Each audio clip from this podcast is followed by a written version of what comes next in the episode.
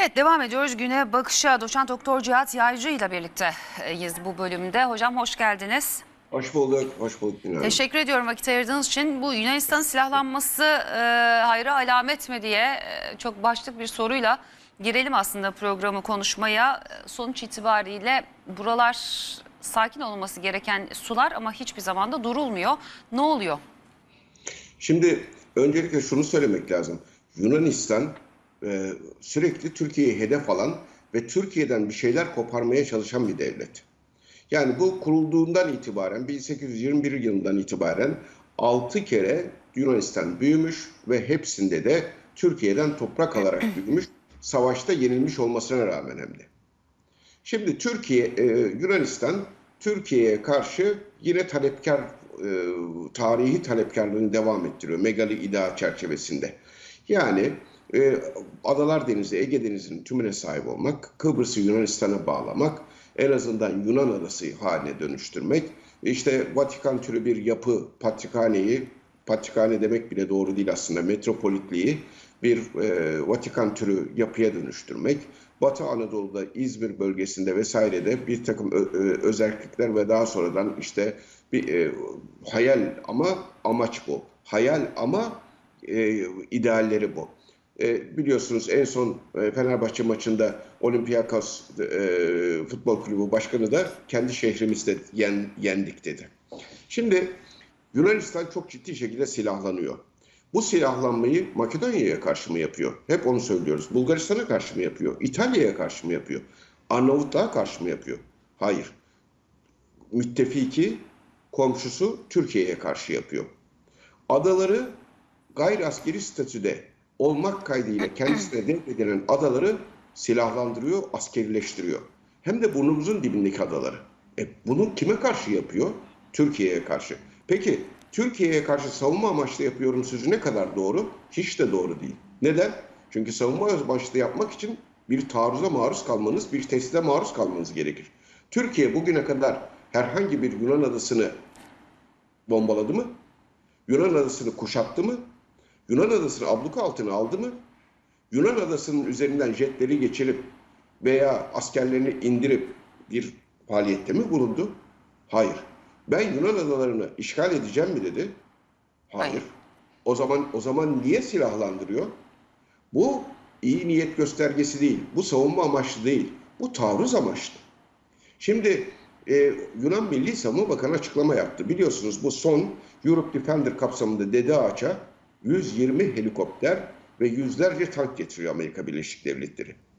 Ve bu silahları Europe Defender kapsamında getiriyor. Rusya'ya karşı bir NATO planının uygulanması şeklinde bir tatbikattır. Ama bu silahları getirdikten sonra, araç ve gereçleri getirdikten sonra büyük bir kısmını da Yunanistan'a hibe ediyor. Şimdi ve Yunan Milli Savunma Bakanı dedi ki bu tatbikattan sonra teçhizat bakımından çok daha güçlü olacağız bu hibelerle dedi. E bunların hepsi taarruz silahı. Nasıl izah edilecek? Yani taarruz helikopterini niye alırsınız? Savunma Oradaki değil. tehdit sizce bize mi yoksa Rusya'ya karşı bir gözdağı mı? Şimdi bu Rusya'ya karşı yapılmış bir gözdağı ama e, e, özellikle bir taşla iki kuş vurma durumu söz konusu. Yunanistan bunu kendine eviriyor.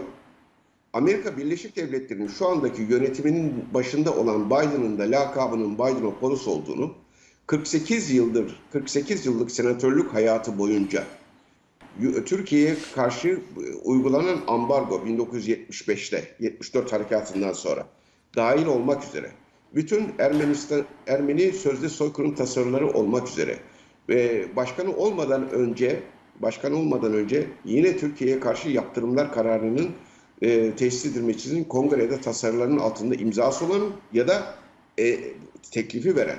Yani bugüne kadar Türkiye aleyhinde verilen bütün tasarıların ya hazırlayıcısıdır Biden ya da imzacısıdır.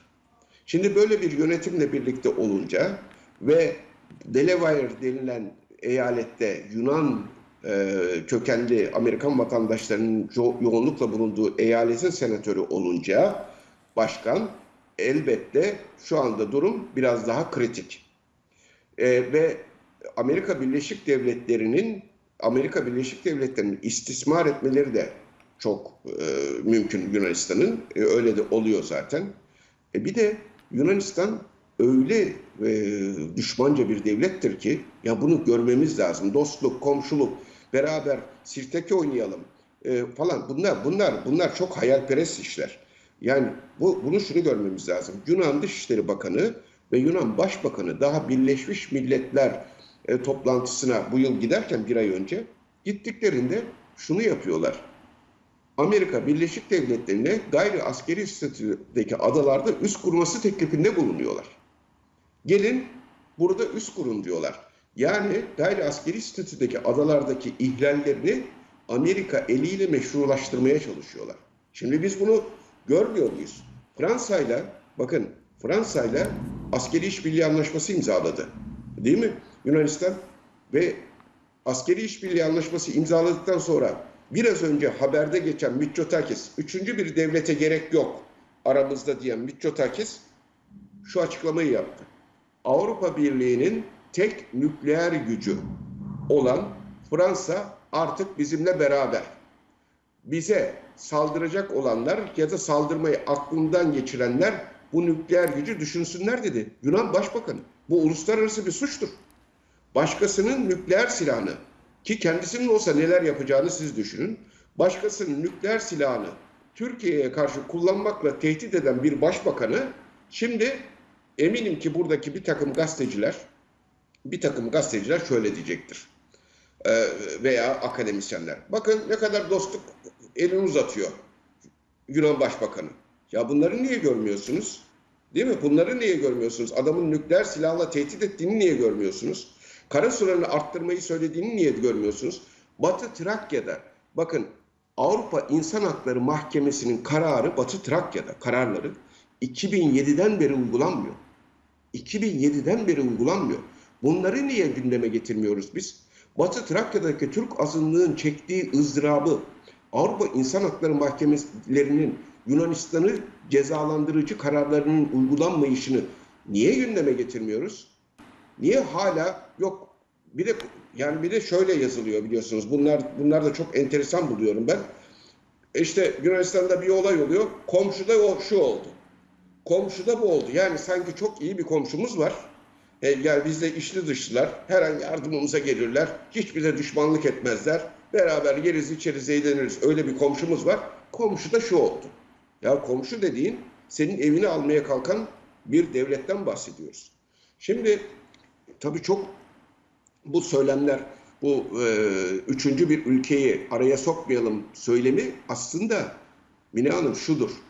Diyor ki yani bak üçüncü bir ülkeyi araya sokturma bana. Benim isteklerimi kabul et demek. Bu aba altından sopa gösteriyor diplomatik yönden. Aba altından sopa gösteriyor. Bu silahlandırma e, mevzu nasıl çözülecek peki? Şimdi şöyle bir kere Yani uluslararası anlaşmalara göre zaten aykırı bir şey. Aykırı Suç. tabii. Tabii. Şimdi bakın ben şunu söyledim. Bu e, Mitsotakis bu nükleer silahla, nükleer silah kullanma tehdidi ifadesini kullandığı zaman ben Türkiye Cumhuriyeti Devleti'nde, devletine şu çağrıyı yaptım. Dedim ki hemen Birleşmiş Milletler'e, Uluslararası Ceza Mahkemesi'ne, Uluslararası Adalet Divanı'na duyuruda bulunun. Suç duyurusunda. Uluslararası suç çünkü. Nükleer silah sahipleri bile nükleer silah kullanma tehdidinde bulunamıyorlar. Bir kere diplomatik yönden yapılacakları söylüyorum bu açıdan. Bir diğer yandan Mine Hanım bu gayri askeri statüdeki adaların bu tez benim tezimdi zaten bu görüş, hukuki görüş. Gayri askeri statüdeki adaların silahlandırılmış olması, askerileştirilmiş olmasının bir kere derhal Birleşmiş Milletler'de sadece duyurmak değil, Uluslararası Adalet Divanı'na ve Ceza Mahkemesi'ne duyurmak lazımdır. Suç duyurusuna bulunmak lazımdır ve Türkiye'nin artık egemenlik devir şartının ortadan kalktığını söylemesi gerekir. Neyse ki bundan 3 hafta kadar önce en azından bir Birleşmiş Milletler'e tarihte bu çağrımıza cevap vererek bir e, bildirimde bulunuldu. Bu gayri askeri statüdeki adaların işte statülerin ihlali konusunda. Şimdi diğer yandan bakın en büyük tehlikeyi söyleyeceğim Mine Hanım bu, bu konuda. Hepimizin çok uyanık olması lazım. Gerçekten çok uyanık olması lazım. Yunanistan hem Fransa ile yaptığı anlaşmayla altını kalın kalın çizerek şimdi söylüyorum. Fransa ile yaptığı anlaşma hem de Amerika ile revize ettiği anlaşmanın öncesinde ve sonrasında Yunan Dışişleri Bakanı, Yunan Milli Savunma Bakanı ve Yunan Başbakanı şunu söylediler.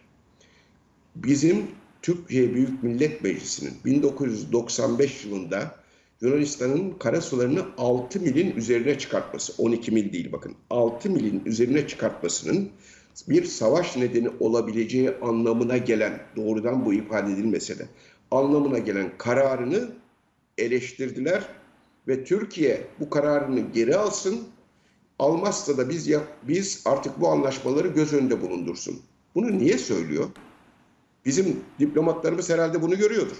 Devlet Neden adamlarımız- adım atılmıyor sizce peki? Bu kadar e, Ben suskunluğun de onu- sebebi ne olabilir? Ve bakın şimdi şimdi şöyle söyleyelim. Biz maalesef e, reaksiyoner reaksiyoner bir dış politika gidiyoruz. Reaksiyoner. Yani birisi bize etki ederse o zaman tepki veriyoruz. Yoksa biz biz kendi başımıza e, proaktif bir dış politika maalesef gidemiyoruz. Proaktif dış politika gidemiyoruz. Şimdi e, bakın e, bizim bir kere bunları doğrudan dile getirmemiz gerekir. Açıkça söylememiz gerekir. Açıkça bunu ifade etmemiz gerekir. 1995 kararlılığının devam ettiğinin dile getirilmesi gerekir. Adalar Denizi'nin yani Ege Denizi'nin herhangi bir yerinde ana karasında, batısında, doğusunda, kuzeyinde, neresinde olursa olsun 6 milin 1 santim üzerine çıkılması durumunun 1995 kararının hayata geçirileceğinin açıkça ifade edilmesi gerekir. Ve bir başka husus daha var. Bunu tekrar söyleyeyim. Bunu da ben gündeme getirdim. Bugüne kadar hep bizim gözümüzün önüne, masamızın üstüne şunu getirdiler. Birleşmiş Milletler Deniz Hukuku Sözleşmesi e, ülkelere 12 mile kadar karasularını genişletme hakkı verir. Dolayısıyla Yunanistan da genişletebilir. Bunu müzakere edelim falan. Böyle şeyler söylendi. Böyle şeyler yaşandı. Hala da yaşanıyordur eminim. Türkiye'nin yapması gereken şey şudur.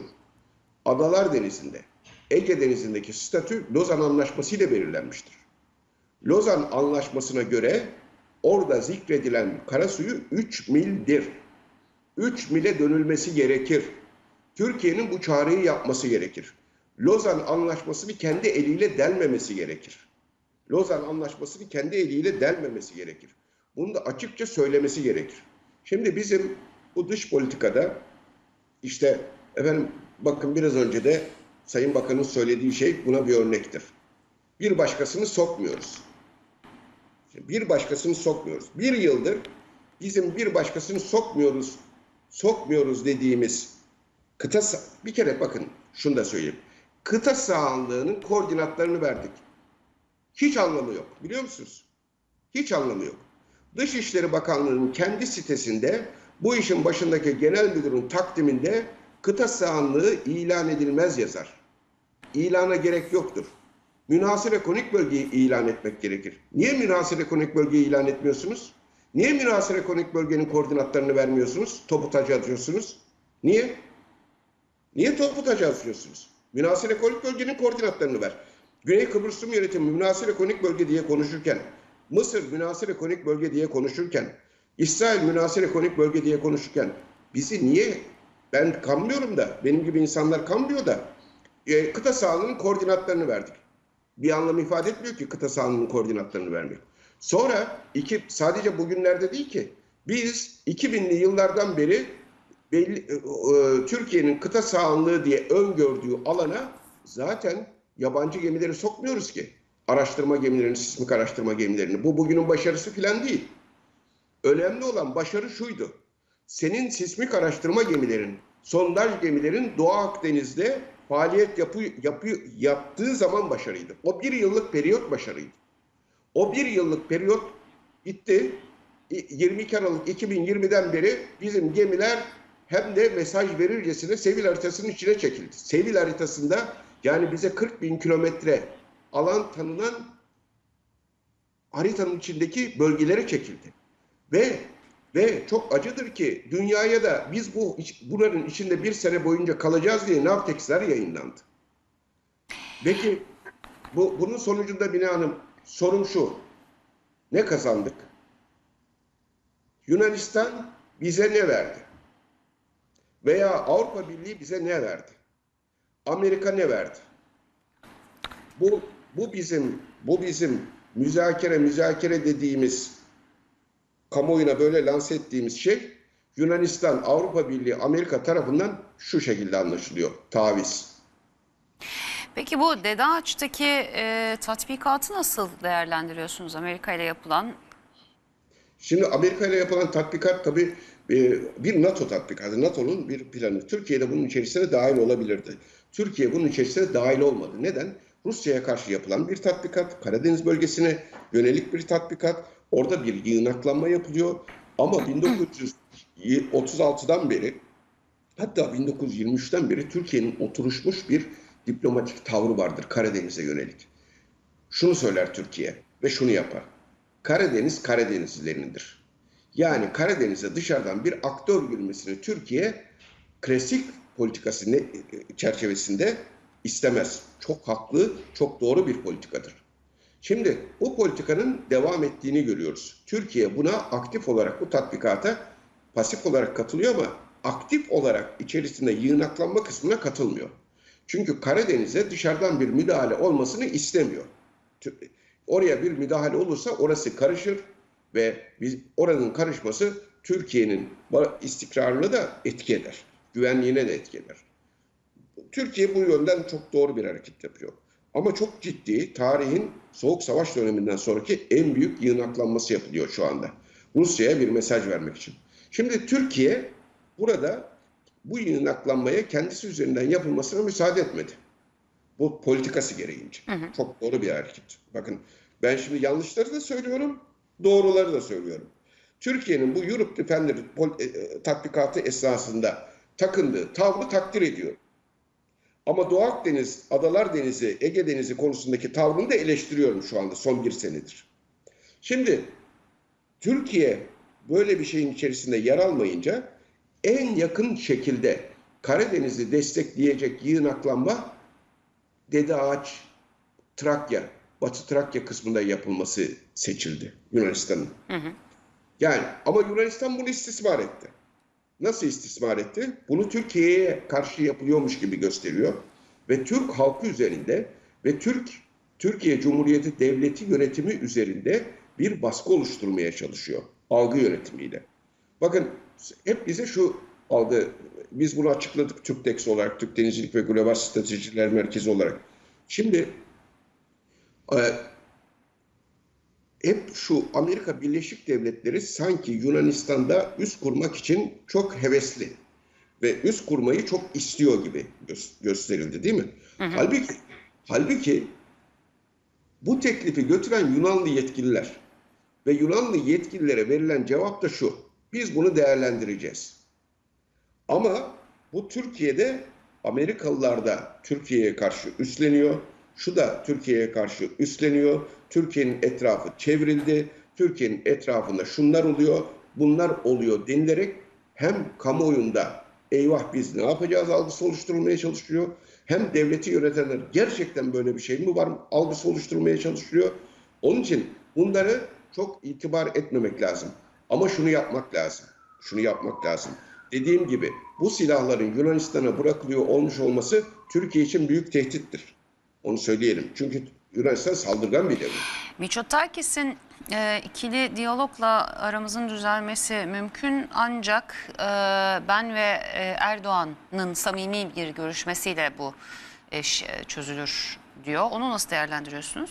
Şimdi bu, bu şöyle diyor. İkimiz diyalogla çözebiliriz. Üçüncü bir devleti bizi araya sokturmayın diyor. Tehdit ediyor aba altından biraz önce söylediğim gibi. Sopa gösteriyor. Ama şunu yapıyorlar. Biz diyalogla neyi, neyin diyaloğunu yapacağız Yunanistan'da? Tam olarak onu soruyorum aslında. Yani Neyin diyaloğunu? Diye, şimdi sorun nedir? Mine Hanım, Allah aşkına bizim Yunanistanlı sorunumuz nedir? Bizim Yunanistan'dan bir talebimiz var mı? Yani biz Yunanistan'dan toprak mı istiyoruz? Yunanistan'dan adam istiyoruz? Yunanistan'dan hava sahası mı istiyoruz? Yunanistan'dan kara suyu mu istiyoruz? Hayır. Bakın Yunanistan sorun dediği şeyler, Yunanistan'ın diyalogla çözelim dediği şeyler benim taleplerimi diyalogla çözelim demek. Aslında ortada Türk-Yunan sorunu diye bir şey yok. Yunanistan'ın ta- taleplerinden kaynaklanan bir sorun var. Yunanistan talepleri var. Kara suyunu arttırmak isteyen Yunanistan. Türkiye istiyor mu? Hayır. Lozan'ı delen Yunanistan. Ada, Türkiye sadece anlaşmalara riayet edilmesini istiyor. Adaları silahlandıran, e, askerileştiren Türkiye mi? Hayır, Yunanistan. Peki dünyada eşi benzeri olmaksızın, bakın şöyle düşünün. Bir ada var, adanın etrafında kara suyu var. Dünyada her şey böyle silindir gibi çıkar yukarıya doğru hava sahası. Yani kara suyun üzerinden silindir gibi çıkar. Bunlar çok enteresan. 6 mil kara suyu var. Hava sahasını mantar gibi açıyorlar 10 mil. Onu kabul ettirmeye çalışıyor bize. Doğu Akdeniz'de kıyısı olmadığı halde Doğu Akdeniz'de hak iddia edip Türkiye'den çok daha fazla deniz alanı almaya çalışıyor.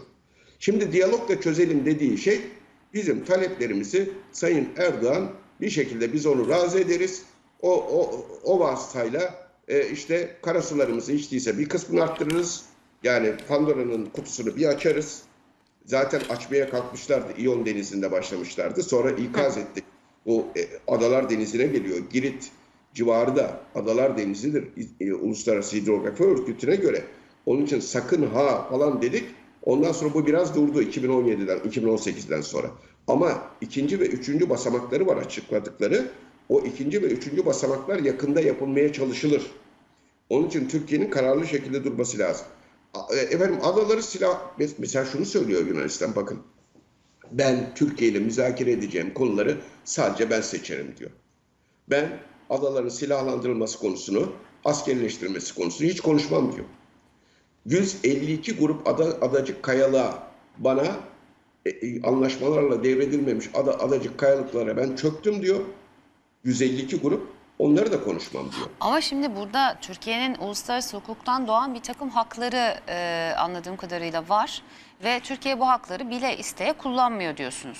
Evet kullanmıyor. Ben bakın bunları bunları bir kere yüz biraz önce de Ne söyledim. karşılığında bunu kullanmıyor Türkiye? Ben de anlamış değilim. Ben de anlamış değilim. Ben de hep kafa yoruyorum. Benim gibi insanlar da kafa yoruyor. Neden böyle yapılıyor diye.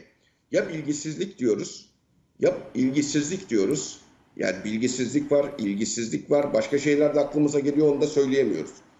Şimdi e, şurada bakın 152 grup hani 18 ada işgal edildi falan deniliyor ya. Yunanistan Yunanistan 1923'ten sonra hat 1936'dan sonra daha sonra diyelim Peyderpey Peyderpey 152 grup ada adacık kayalığa çökmüştür. 1998 yılında zamanı Kardak, kıyılık, e, Kardak adaları krizinden sonra zamanın Cumhurbaşkanı Süleyman Demirel diplomatik geçerliliği vardır konuşmasının Cumhurbaşkanlarının. 152 ada adacık kayalığımız Yunanistan'a devredilmemiş demiştir. O esnada 1996 ve 98 arasında akademisyenler, tarihçiler, hukukçular, herkes, askerler beraber çalışarak bu 152 grup ada, adacık kayalığı tespit ettiler. Ama bugün Dışişleri Bakanlığı hala 152 grup ada, adacık kayalığın isimlerini açıklamıyor. Neden açıklamıyor? Önce bu sorun çözülsün. Sorun varsa bu adaların bu adaların aidiyeti açıklığa kavuşturulsun. Lahey'e bununla gidilsin. Yunanistan kabul etmiyor ki bunu. Biz diyalogla çözelim. Diyalogla taleplerimiz kabul edilsin diyorlar. Bu oyuna gelirlerse de yazıklar olsun. Çok da yani tarih affetmez. Bu abi. Doğu Akdeniz Mavi Vatan dediğimiz bölgede yanımıza e, kimi nasıl almalıyız peki Yunanistan'a karşı? Bakın Türkiye, Türkiye e, Mine Hanım o kadar büyük cehaletle bunun hesabının mutlaka sorulması lazım. Bugün Türkiye'yi en çok köşeye sıkıştırdıkları yer neresi? Doğu Akdeniz değil mi? Doğu Akdeniz baskısı nedeniyle ambargolar uygulanıyor, mali saldırılar yapılıyor, ekonomik baskılar oluşturuluyor, e, diplomatik baskılar oluşturuluyor, siyasi baskılar oluşturuluyor. 2003 yılında, 2004 yılında da resmi olarak 2003 yılına şamil ediyor. Güney Kıbrıs Rum Yönetimi münhasır ekonomik bölge ilan ediyor. Bundan 7 yıl sonra, 7 yıl sonra Mina Hanım, 2010 yılında İsrail ile Güney Kıbrıs Rum yönetimi deniz yetki alanları münhasır ekonomik bölge anlaşması imzalıyor. Ama İsrail bizimle anlaşma imzalasa şu andaki deniz alanının en az iki misli deniz alanına sahip olacak. Türkiye'de sahip olacak. Şimdi bizim 2003 ile 2010 arasında 2003 ile 2010 arasında bizim İsrail ilişkilerimiz gayet iyiydi.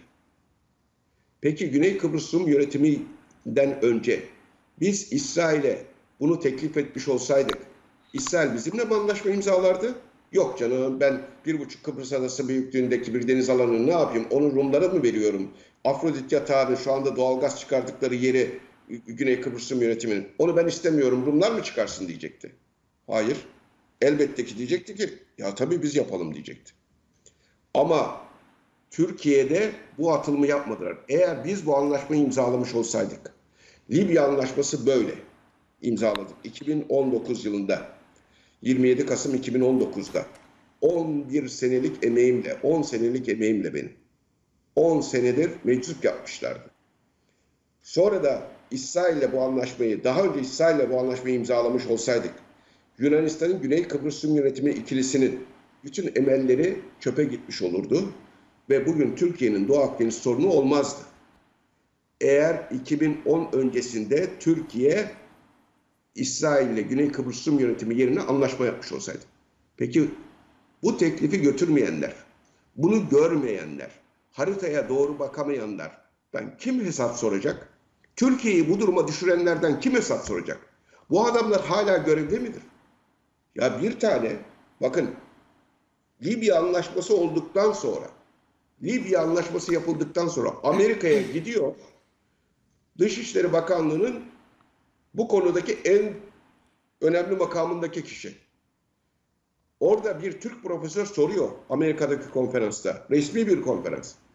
Diyor ki Libya ile anlaşma yaptığımız hattın aynısı paralelinde İsrail'le yapabilir miyiz diyor. Diyor ki ben diyor İsrail'le karşılıklı kıyılarımız olduğuna inanmıyorum diyor. Düşünebiliyor musunuz? Ve Libya ile yapılan anlaşmayı da kerhen anlatıyorlar. Şimdi bu, bu biz bu, bu bilgisizlikle bu ilgisizlikle çok çok çok dayak yeriz. Çok dayak yeriz. Ya Yunanistan Avrupa Birliği'nde Avrupa Birliği'ne bizi alacak trafik polisi midir? Dur geç diyecek trafik polisi midir? Yunanistan'ın Avrupa Birliği biz Türkiye'nin Avrupa Birliği'ne girişini destekliyoruz. Ya Yunanistan sen desteklesen ne olur, desteklemesen ne olur? Peki başka bir konu daha söyleyeyim size. Bakın çok ilginçtir. Yunanistan'la biz geri kabul, göçmen geri kabul anlaşması imzaladık. Türkiye'nin en büyük sorunlarından bir tanesi göçmen sorunu değil mi şu anda? Evet. Yunanistan'la göçmen geri kabul anlaşması imzaladık. FETÖ'cülerin büyük etkisiyle. Bakın ben işin içindeydim. Onun için hiç kimse konuşturmasın beni. FETÖ'cülerin büyük etkisiyle geri kabul anlaşması imzalandı. Yani adamın bir tanesi ister Angolalı olsun, ister Afganistanlı olsun, ister Çinli olsun. Adamın bir tanesi Yunanistan'a geçti. Dedi ki ben Çinliyim ama Türkiye'den geçtim dedi. O zaman bu anlaşma gereğince bu göçmen, yasa dışı göçmen bunlar.